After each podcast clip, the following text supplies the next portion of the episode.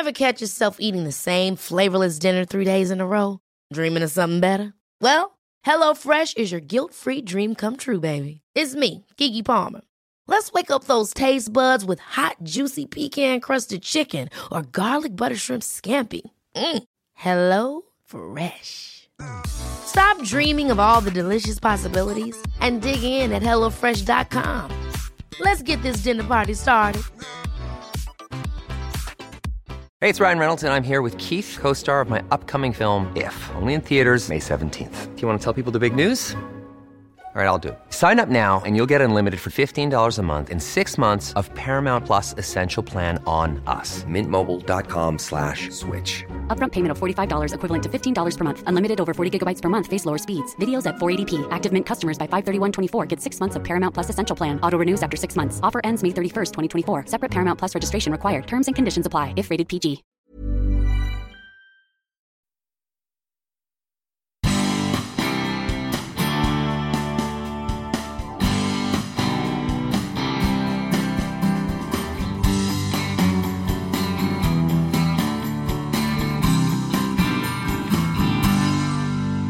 Sverige idag så finns det varken någon bok eller tygbit, även om tygbiten ser ut som en flagga som har ett särskilt rättsskydd.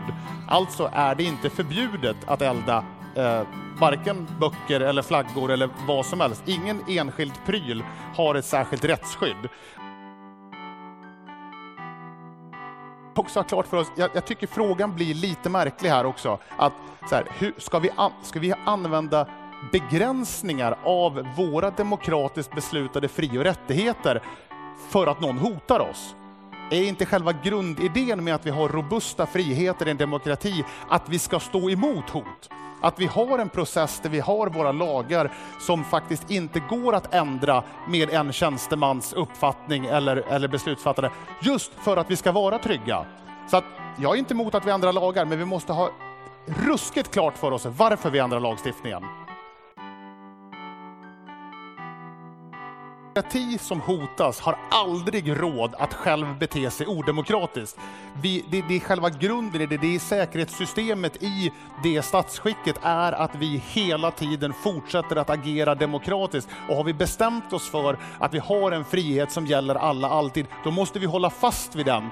Vi kan inte vika oss i det läget för någon som, om det nu skulle vara någon som har en odemokratisk agenda, och nu har jag inte lagt på någon hotaktör det epitetet, men jag pratar rent generellt. Det är oerhört viktigt. Diskussionerna om koranbränningarna har gått höga de senaste månaderna. En del anser att det är hets mot folkgrupp. Andra tycker att det är OK att bränna koraner men absolut inte Toran, judarnas heliga bok. Muslimer har protesterat, ambassader har stormats och terrorister har hotat. De politiska utspelen har också avlöst varandra om vad, när och hur man ska få elda upp olika saker. Vår egna grundlagsskyddade demokrati och yttrandefrihet har ifrågasatts av allt från journalister till myndigheter. Då känns det rätt befriande att samtala med dialogpolisen Johan Hed på demokratieventet Frihamnsdagarna.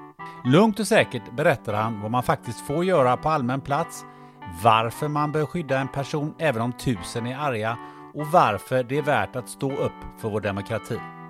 Oavsett vad det kostar. Innan vi drar igång vill jag be om ursäkt för det pissiga ljudet från min mikrofon. Som tur är låter Johan helt okej. Okay. Företaget som stod för tekniken levererade tyvärr inte förväntad nivå. Mer än så behöver inte sägas. Nu kör vi!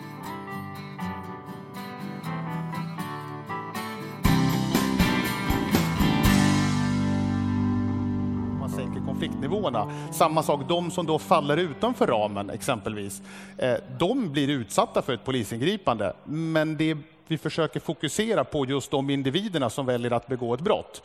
Eh, vi, vi, vi, låter inte hela gruppen drabbas av det. Och för att kunna göra det på ett adekvat sätt så måste vi ju kunna dels ha en djup kunskap och förståelse om vad som händer och så måste vi kunna prata med folk också. Vi måste kunna kommunicera. Om vi då tar oss ut på, på allmän eh, plats. Eh, vem, vem är det som bestämmer vad vi får lov att göra och inte får lov att göra? Ja, i grunden så är det faktiskt alla vi här. Det är vi som bestämmer vad vi får göra. Alltså det vill säga Vi lever i en, eh, faktiskt som tur är, en väldigt robust demokrati. Så det är genom vår lagstiftning som vi styr vem, vad, vad, man får göra på en allmän och en offentlig plats. Men eh, ibland när det kommer till ett avgöra om, det, om, man behöver, om man har olika uppfattningar, så då är det ofta upp till polisen att på plats göra bedömningen vad som är okej okay och inte okej. Okay. Sen i förlängningen, har det här varit ett brott, ja då ska det naturligtvis prövas i en domstol. Eh, men, men grunden är att det är alla vi tillsammans som bestämmer vad som är okej. Okay. Och ibland blir ni överkörda för ni säger nej till demonstrationer. Och så säger domstolarna nej, det, så, det ska ni visst göra. Nu vill jag säga så här. I grunden så säger vi ja till till eh, allmänna sammankomster. Eh, jag vet att det har funnits eh, administrativa förehavanden som har kritiserats av förvaltningsdomstolar. Men jag utgår från att jag och alla mina kollegor har lärt oss av det och att vi från och med nu kommer att göra rätt. När får man tillstånd till en demonstration och när får man det inte? Grunden är att du, får alltid, du ska alltid ha tillstånd, eller få ett tillstånd för en allmän sammankomst, för en opinionsyttring. Det är grunden. Sen finns det några fall där polisen kan neka. Och det är eh, om det blir för stora störningar av till exempel trafik, ordning eller om det skulle vara en pandemi. Men nu är vi klara med pandemin i alla fall, förhoppningsvis, för ett tag framöver. Men grunden är att du ska få demonstrera. Men om jag skiter och, och eh, ta in tillstånd. Jag bara samlar upp eh, tusen pers via Facebook och så kör vi en demonstration på Järntorget. Vad händer då? Då är det polisens uppgift att se till att ni får hålla den demonstrationen, även om ni inte har ett tillstånd. Sen kan du då, eftersom det var du som arrangerade, du skulle kunna få lite böter för att du just struntade i att eh, söka tillstånd. Men alla som finns på platsen, inklusive du själv, har rätt att få hjälp av polisen för att uh, uttrycka sin åsikt. Så ni går inte in och avbryter en uh, demonstration som inte har sökt tillstånd? Nej, absolut inte. Om man tänker lite längre på det så kan man säga så här, det vore ganska märkligt om, för att söka tillstånd, det är någonting du gör hos polisen som är förvaltningsmyndighet och beslutet fattas av en enskild tjänsteman. Och om den, det beslutet skulle vara avgörande för huruvida du får demonstrera eller inte, ja men då har vi liksom flyttat hela den här makten som ska ligga hos folket om vem som får säga vad till en enskild tjänsteman. Så det, det faller på sin egen orimlighet. Men må, jag förstår att många tycker det är märkligt. Varför ska man söka tillstånd om det ändå är så att polisen har till uppgift att eh, skydda en demonstration eller se till att den får genomföras? Men det finns ju några uppenbara fördelar med det. Har du till exempel sökt tillstånd om en viss plats, ja, då har du företräde till den platsen. Och dessutom så har poli du ger polisen tid att förbereda sig så att vi kan vara på plats med rätt resurser för att underlätta för dig också. Så det finns många fördelar med det. Så det, det, det, jag verkligen uppmanar alla som vill ha en bra och effektiv opinionsbildning, sök tillstånd hos polisen. Vi är där för att hjälpa er. Men om jag nu ska demonstrera och eh, det kan bli eh, allmänt upplopp, det kan bli många människor som blir arga på mig. Mm. Eh, och det kan bli farligt. Kan polisen säga nej, det, det, kan vi inte göra, du får gå upp i skogen och demonstrera istället? Ja, som jag sa tidigare, alltså, eh, allvarliga ordningsstörningar, det är ju ett, en av grunden som gör att polisen då kan neka tillstånd. Men å andra sidan, till exempel så får polisen inte ange en resursbrist som skäl till det. Så att det, det vi gör då är att, alltså det finns egentligen ingen, ingen grund inom rimliga förhållanden att vi ska neka någon ett tillstånd för en allmän sammankomst på grund av att det blir ordningsstörningar. Då är det polisens uppgift att till oss och skapa den resursen som gör att vi kan bibehålla lugnet på platsen. Så om en demonstrerar och tusen blir förbannade så är det fortfarande rätt att demonstrera? Absolut, absolut. Du får man demonstrera och, säga, och göra vad som helst utanför en ambassad? Nej, alltså du får inte göra vad som helst när du demonstrerar rent generellt. Du, du, bara för att du Alltså att demonstrera, att nyttja sin mötes och yttrandefrihet har ju ett otroligt starkt rättsskydd i Sverige, precis som det har de flesta andra västerländska demokratier. Eh, men det är ju ingen amnesti för att begå brott. Så du får absolut inte begå brott. Då kan man tänka sig, ah, men ett litet, litet brott. Nej, inte de heller. Inga brott får du begå, så du har liksom inget frikort till det. Och detsamma gäller ju utanför en ambassad. Du, du, du får du får demonstrera och du får göra vad du vill så länge du inte bryter mot lagen. Sen är det ju så att ambassader har ett särskilt skydd. Utländska beskickningar har ett särskilt skydd och det är svenska staten som har till ansvar att se till att sköta det skyddet.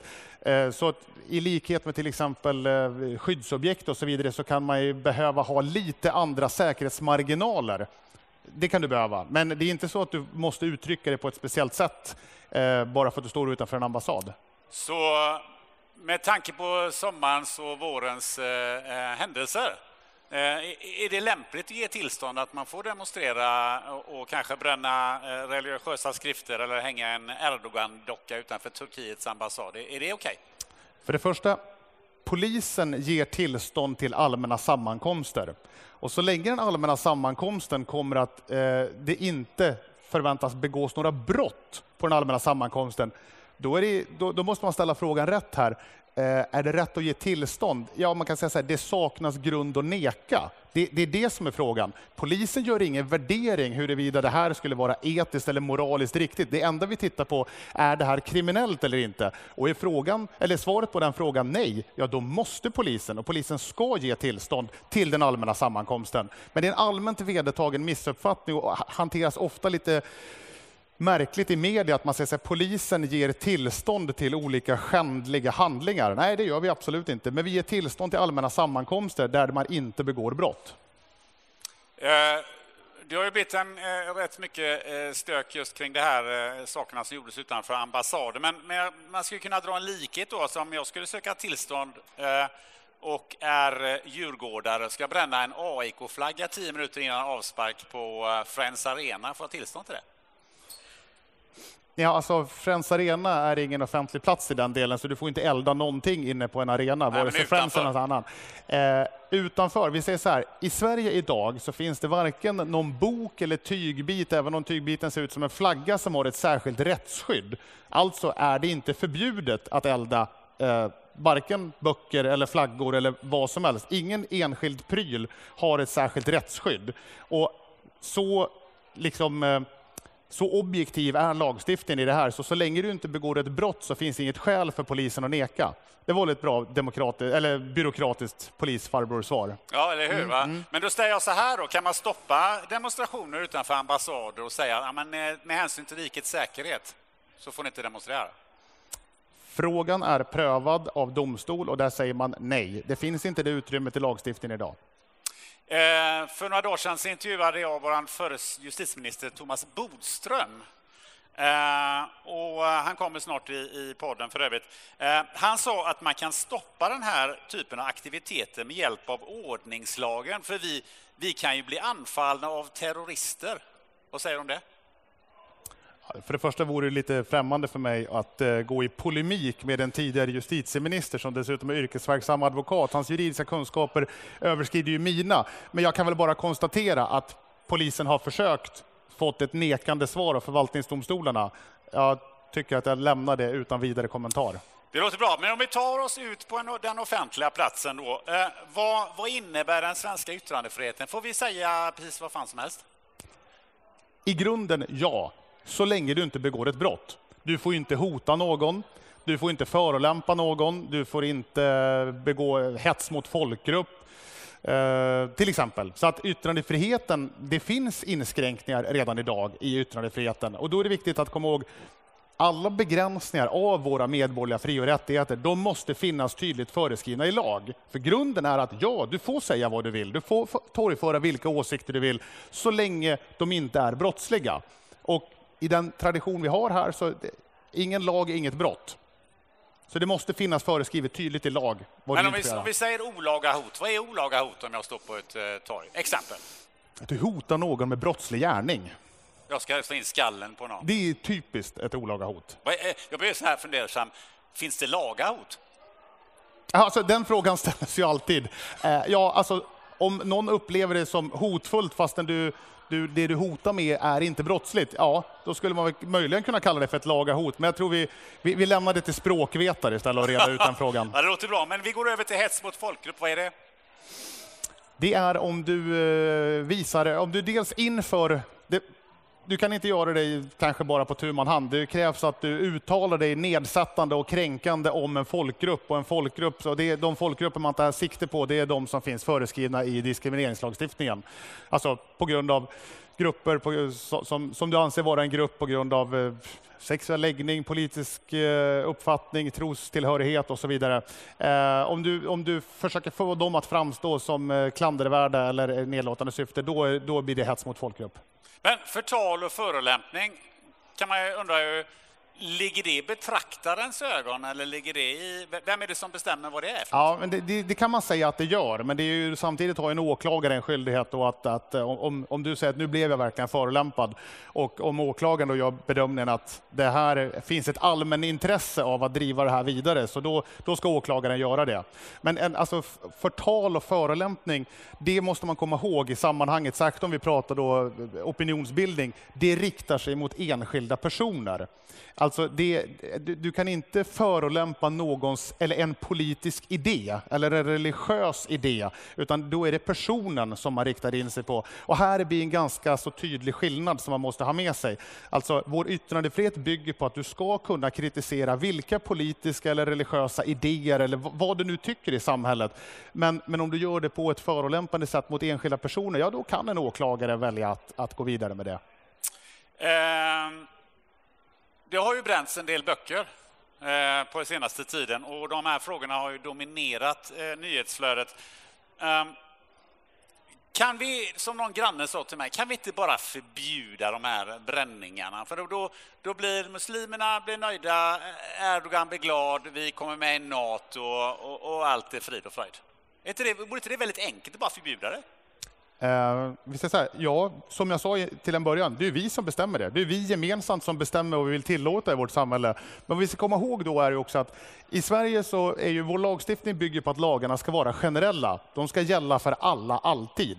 Och eh, vad man ska ha med sig, tror jag, om man driver förslag om att förbjuda vissa handlingar eller liknande, så måste man vara med på att det gäller hela skalan det är väldigt, väldigt svårt och av uppenbara skäl ganska farligt att börja förbjuda vissa meningsyttringar, vissa idéer, vissa beteenden, för att det, måste, det kommer att slå över hela skalan. Och jag, det här är min personliga uppfattning, nu säger jag inte det här som polis, men min personliga uppfattning är att om vi skapar ett samhälle där vi, där vi börjar förbjuda sånt som kan provocera, då måste vi ha med oss, vad är grunden till att vi stiftar de här lagarna? Är det för att blidka någon som blir provocerad?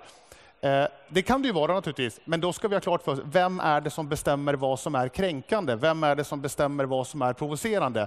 Det finns, som jag ser det, en uppenbar risk för att vi hamnar i ett samhälle där åsiktskorridoren blir oerhört snäv och smal. Och den som har störst makt mot det offentliga är också den som kommer att styra lagstiftningen jag personligen tycker att hela idén med en yttrandefrihet då skadas i grunden om vi skulle göra det. Men jag kan ha viss respekt för att man på distans kan tycka att det vore väl ett enkelt sätt att lösa problemet. Grejen är att det här är inte, det är inte så enkelt, tyvärr. Men nu gick ju Magdalena Andersson ut igår och Socialdemokraterna och sa att man vill utreda om koranbränningar på offentliga platser kan klassas som hets mot folkgrupp eller förargelseväckande beteende. Och eh, eh, argumentet var då rikets säkerhet, för Danmark har ju funderat att ändra den lagen och då blir vi ruskigt ensamma, tyckte hon. Mm. Återigen, vad, vad, tänker du när du hör det? Ja, jag tänker så här, återigen så, så, så kliver jag tillbaka i polisrollen, för det var ändå den, i den jag blev inbjuden hit. Absolut. Och då är det faktiskt, det, det, jag, jag, vill avhålla mig från att liksom kommentera enskilda lagförslag. Men om jag ska uttrycka mig generellt så tycker jag väl att det är alltid bra att vi utreder eh, eh, alla synpunkter på behov av ändringar av lagstiftningen. Men då är det väldigt viktigt att vi följer den process som vi har för att stifta nya lagar. Eh, att vi eh, låter det ta den tid det behövs. För att som jag var inne på tidigare, ehm, Förbjuder du någonting i ena änden så måste du förstå vad innebär det i andra änden. Vad är det mer? Vilka ringar på vattnet får vi av det här? Så jag är alltid för att göra gedigna och grundliga utredanden om eh, förhållanden som kan göra samhället bättre. It's that time of the year. Your vacation is coming up. You can already hear the beach waves, feel the warm breeze, relax and think about work. You really, really want it all to work out while you're away. Monday.com gives you and the team that peace of mind. When all work is on one platform and everyone's in sync, things just flow wherever you are. Tap the banner to go to Monday.com. Ever catch yourself eating the same flavorless dinner three days in a row? Dreaming of something better? Well, HelloFresh is your guilt free dream come true, baby. It's me, Gigi Palmer. Let's wake up those taste buds with hot, juicy pecan crusted chicken or garlic butter shrimp scampi. Mm. Hello Fresh. Stop dreaming of all the delicious possibilities and dig in at hellofresh.com. Let's get this dinner party started. Quality sleep is essential. That's why the Sleep Number Smart Bed is designed for your ever evolving sleep needs. Need a bed that's firmer or softer on either side? Helps you sleep at a comfortable temperature? Sleep Number Smart Beds let you individualize your comfort so you sleep better together. JD Power ranks Sleep Number number 1 in customer satisfaction with mattresses purchased in-store. And now, save 50% on the Sleep Number limited edition Smart Bed for a limited time. For JD Power 2023 award information, visit jdpower.com/awards. Only at a Sleep Number store or sleepnumber.com. Väljarna säger ju att eh, eh, i en senaste undersökning som också kom igår att eh, de flesta, fler än 50 procent, tycker att man borde förbjuda det där. Men det finns ju en väldigt stor eh, skillnad. Kanterna vänster och höger tycker att eh, att vi absolut ska få göra det medan man då eh, i exempel Socialdemokraterna tycker mm. att, att det borde man förbjuda. Så att, Å, återigen, det är ju väljarna som har makten. I förlängningen så är det väljarna som har makten, så det är, det är upp till oss alla väljare att ta det beslutet. Men då måste man ha med sig det jag tycker är väldigt viktigt och som vi faktiskt har beslutat oss för, när vi ska ändra vår lagstiftning, när vi ska skapa vår lagstiftning, så måste det föregås av att vi har en viss, kanske ett folkbildning, vi har, ger oss utrymme för diskussioner där vi får lufta våra idéer, våra åsikter, utbyta åsikter. Alltså det, det, den demokratiska processen för att göra det är ju ganska omfattande och det måste den vara. Och jag tror att om, väljarna måste då få chansen också att förstå vad det är man tar beslut om. Vilka effekter kan en sån lagändring göra? Det, det, tror jag är avgörande i det här fallet. Ja, för lite det där som du säger, att vad, vad drar vi gränsen mellan heliga principer eller heliga saker? Alltså, eh, det var någon som sa till mig så här att ja, men för mig är det heligt att bränna vilken bok som helst och, och för dig är den här boken helig. Då står ju våra heliga principer mot varandra. Här kan ju svaret vara ganska enkelt. Vi har ju liksom ingen definition på helighet i lagstiftningen och därför så har jag som polis ingen uppfattning om det heller, utan det, det, det ter sig ju så att det är ju upp till var och en. Vad anser jag vara heligt? Vad anser du vara heligt? Och så vidare. Men, men eh, när vi pratar om eh, det här i sammanhanget av en yttrandefrihet, så då pratar vi om våra grundläggande mänskliga rättigheter. För att göra begränsningar i dem så måste det finnas begränsningar tydligt föreskriven i lag. Så att eh, i sådana fall får vi lagstifta om en helhet. Men vi har redan tagit bort blasfemilagstiftning för ganska länge sedan i Sverige. Eh, att införa en sån igen är det många som hävdar att det vore ett steg bakåt. Jag har läst på lite grann och det är faktiskt bara 14 länder i Europa som har den typen av lagstiftning. Så man tror ju att resten av Europa eh, så, så, har man lagstiftning mot det här, men det har man faktiskt inte. Nej. Så är det. Eh, jag kan säga så att de, de flesta länder har haft sådan lagstiftning, men väljarna i respektive länder har valt att vi ska gå ifrån den lagstiftningen. Den uppfattas inte som modern, att vi ska överlåta till vissa kanske grupper eller individer eller idéer att, att avgöra vad som är kränkande. Men då kan man också komma ihåg att vi väljer ju själva, vi har yttrandefriheten gäller ju alla alltid. Så är man negativt inställd till någons idé så har vi ju mängder med sätt att möta det här i ett demokratiskt samhälle. Genom diskussion, genom manifestationer, det finns ju mängder med sätt. Men vi måste också ha klart för oss, jag, jag tycker frågan blir lite märklig här också, att så här, hur, ska, vi an, ska vi använda begränsningar av våra demokratiskt beslutade fri och rättigheter för att någon hotar oss. Är inte själva grundidén med att vi har robusta friheter i en demokrati att vi ska stå emot hot? Att vi har en process där vi har våra lagar som faktiskt inte går att ändra med en tjänstemans uppfattning eller, eller beslutsfattare, just för att vi ska vara trygga. Så att, jag är inte emot att vi ändrar lagar, men vi måste ha ruskigt klart för oss varför vi ändrar lagstiftningen. Eh, vi har nämnt främmande makt och extremister och, och, och hotet utifrån. Och det, vi har en, en, eh, en, hotskala som, som har nu gått upp till fyra, vad det nu innebär.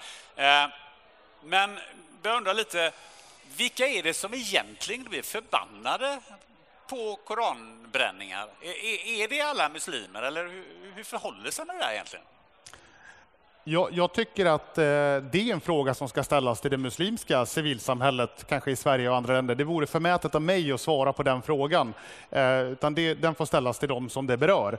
Eh, och vad gäller, alltså, som du var inne på, en, en eh, påverkan på främmande makt, jag kan inte kanske liksom kommentera det i min roll som polis, men jag kan ju konstatera att även vår statsminister och flera andra myndigheter som har till ansvar att hålla koll på det är ju väldigt tydliga med att just nu så utsätts Sverige för en, flera påverkanskampanjer och jag har inget skäl att argumentera emot det. Men jag tänker just eh, eh extremister, för de använder ju den här eh, retoriken. Så fort det bränns en koran så, så använder man det som ett något ursäkt för att nu, nu blir Sverige ett legitimt eh, eh mål. Jag tänker på eh, parallellen till, till Frankrike. Det brändes ju inga koraner eh, eller gjordes några andra saker i, i, eh, inför de här händelserna som, som skedde där. Nej, mig veterligen så brändes det inga koraner i Bataclan eller det var ingen fransk gymnasielärare som brände en koran. Charlie Hebdo brände inga koraner. Lars Vilks brände inga koraner och så vidare. Eh, men återigen, vad som retar vissa individer, det får de individerna stå för själv. Men jag tycker väl att det är en, eh, en rimlig, eh, ett, ett rimligt observandum att ha med sig, kan jag tycka.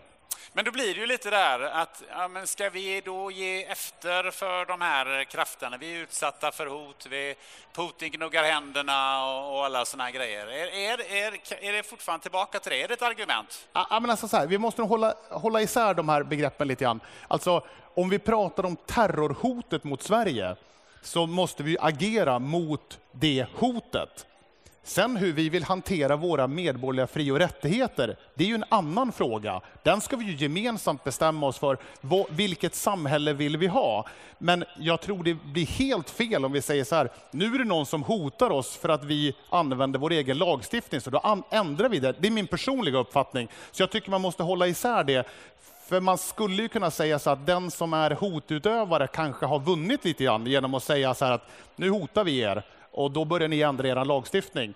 Men det är min personliga uppfattning. Eh, kort bara, eh, medierna, hur uppfattar du att de har hanterat eh, eh de här, eh, det som har hänt eh, de senaste året med koranbränningar och annat?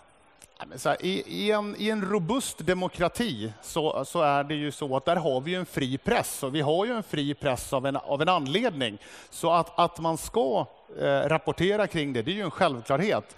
Men eh, jag kan väl tycka som mediakonsument att eh, det är också den fria pressens uppdrag att försöka titta ganska brett på det här. Vad är det som händer?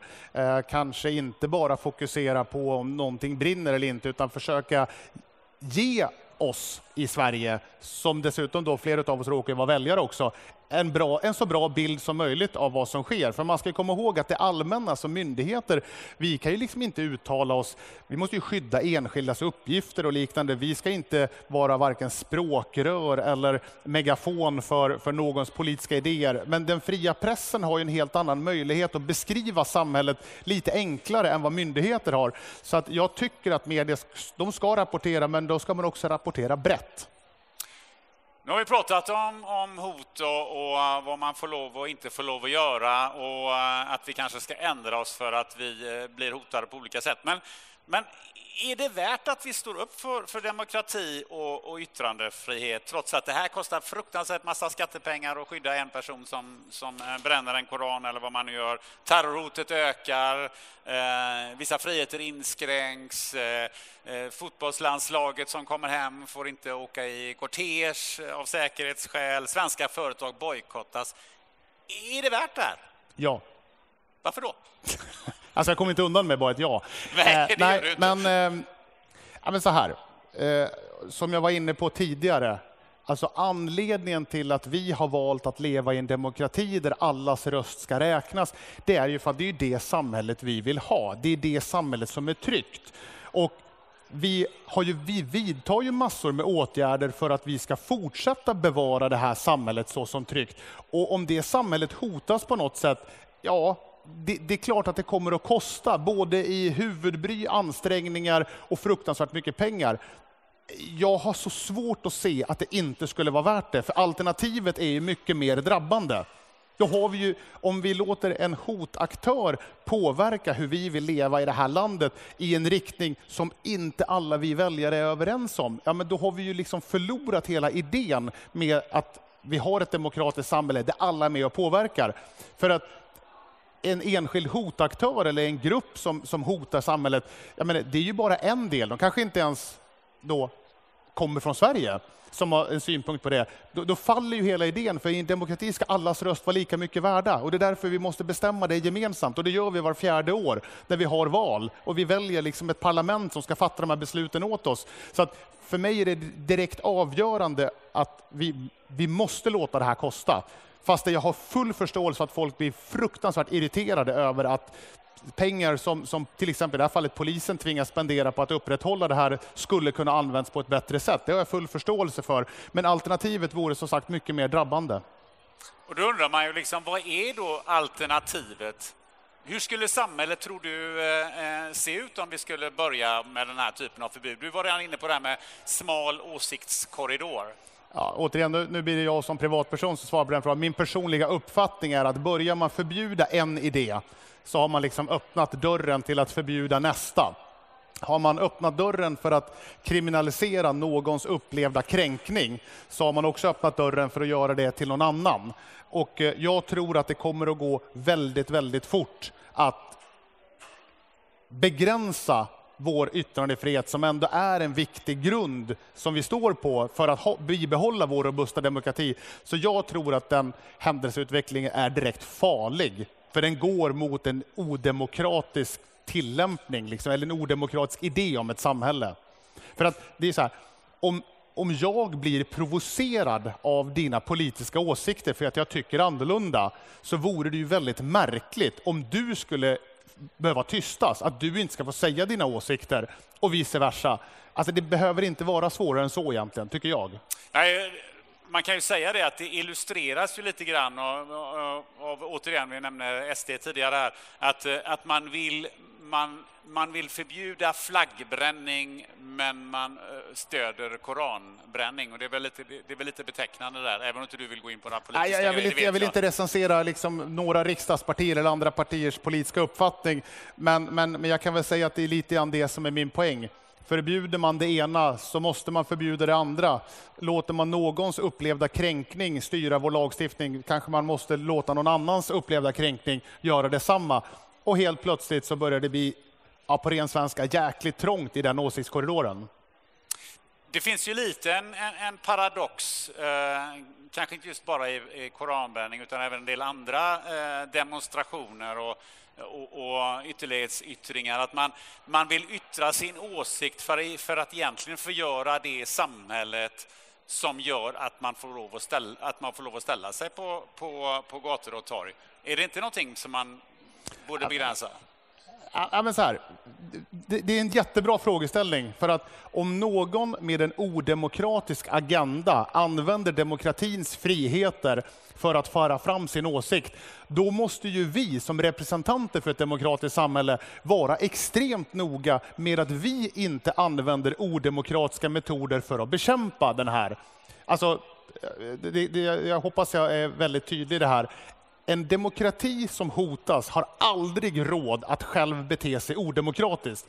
Vi, det, det är själva grunden i det, det är säkerhetssystemet i det statsskicket är att vi hela tiden fortsätter att agera demokratiskt. Och har vi bestämt oss för att vi har en frihet som gäller alla alltid, då måste vi hålla fast vid den. Vi kan inte vika oss i det läget för någon som om det nu skulle vara någon som har en odemokratisk agenda, och nu har jag inte lagt på någon hotaktör det epitetet, men jag pratar rent generellt. Det är oerhört viktigt. Eh, vad, vad, skulle du säga är, är det största hotet mot eh, den yttrandefriheten som vi eh, har och, och, och eh, våra demonstrationsfrihet och så vidare? Vi själva. Alltså sam samhället. Ja, men återigen, det, det största hotet det är, det är fortfarande så här, i Sverige så har svenska väljare rätten att bestämma genom sina förtroendevalda vilken lagstiftning vi vill ha. Och det är det jag menar att för att återknyta till det jag sa tidigare, om vi utsätts för, för, hot eller påverkan från människor, grupper som inte har en demokratisk agenda, om vi då börjar bete oss odemokratiskt själva, att till exempel våra förvaltningsmyndigheter inte längre följer lagen, att vi börjar tolka den på ett sätt som blir specifikt för vissa grupper eller vissa individer, ja men då är ju det det stora hotet, för då har vi underminerat vårt eget system. Så i den punkten, det är vi själva som är det största hotet, men vi har fortfarande chansen nu. Fortsätter vi att alla förvaltningsmyndigheter, framförallt de rättsvårdande myndigheterna och kanske då främst min myndighet som jag jobbar för, om vi håller oss till lagstiftningen, vi följer lagen. Det kan ju tyckas jävligt märkligt att en polis uppmanar sin egen myndighet att följa lagen, men i det här fallet gör jag faktiskt det. Vi måste följa lagen, för då agerar vi på ett demokratiskt sätt och på det sättet skyddar vi också vår demokrati. Och det är därigenom som jag menar, vi själva är det största hotet, ingen annan. Men jag blir ändå lite nyfiken på, eh, det finns ju rätt många grupper som, som yttrar sig och som, som kanske är ganska odemokratiska. Vad är, vad är det vad är det ni och vi andra behöver hålla reda på med de, i de här grupperna? Du behöver inte bara vara sådana som bränner eh, koraner. Det finns ju mängder med, med andra eh, eh, grupper som, som eh, både på höger och vänsterkanten som, som kanske inte har demokratin som sitt, sitt främsta medel. För det första, lyssna på vad folk säger.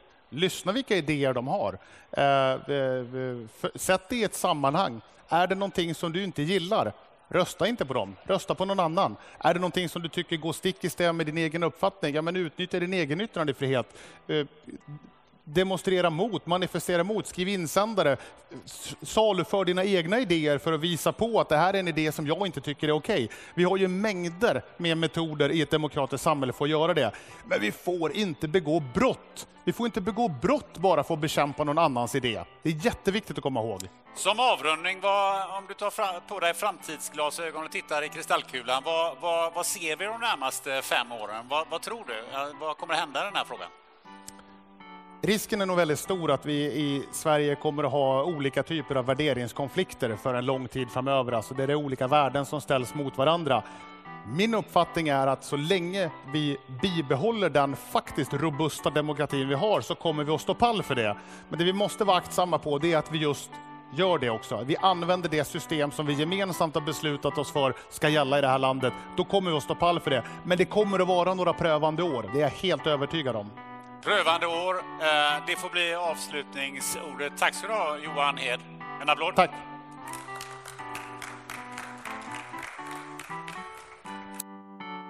Du har lyssnat till det 169 avsnittet av podden Spännande möten med mig Gunnar Österreich. Det blev lite kortare än vanligt, men jag lovar att vi ska ta igen det med råge framöver. Näst i tur står en av världens bästa seglare i matchracing, Anna Östling. Nu satsar hon mot första kvinnliga Amerikas Cup. Vi pratar bland annat om segling på Formel 1-nivå, projekt att stötta tjejidrott, sponsring från miljardärer och hur man lyckas sälja en container fylld med plåtfigurer. Missa inte det! Tills dess så vet du vad du gör. Du sätter dig med en vän, du tar något gött att dricka och diskuterar hur fort man egentligen kan segla. Ha det gött!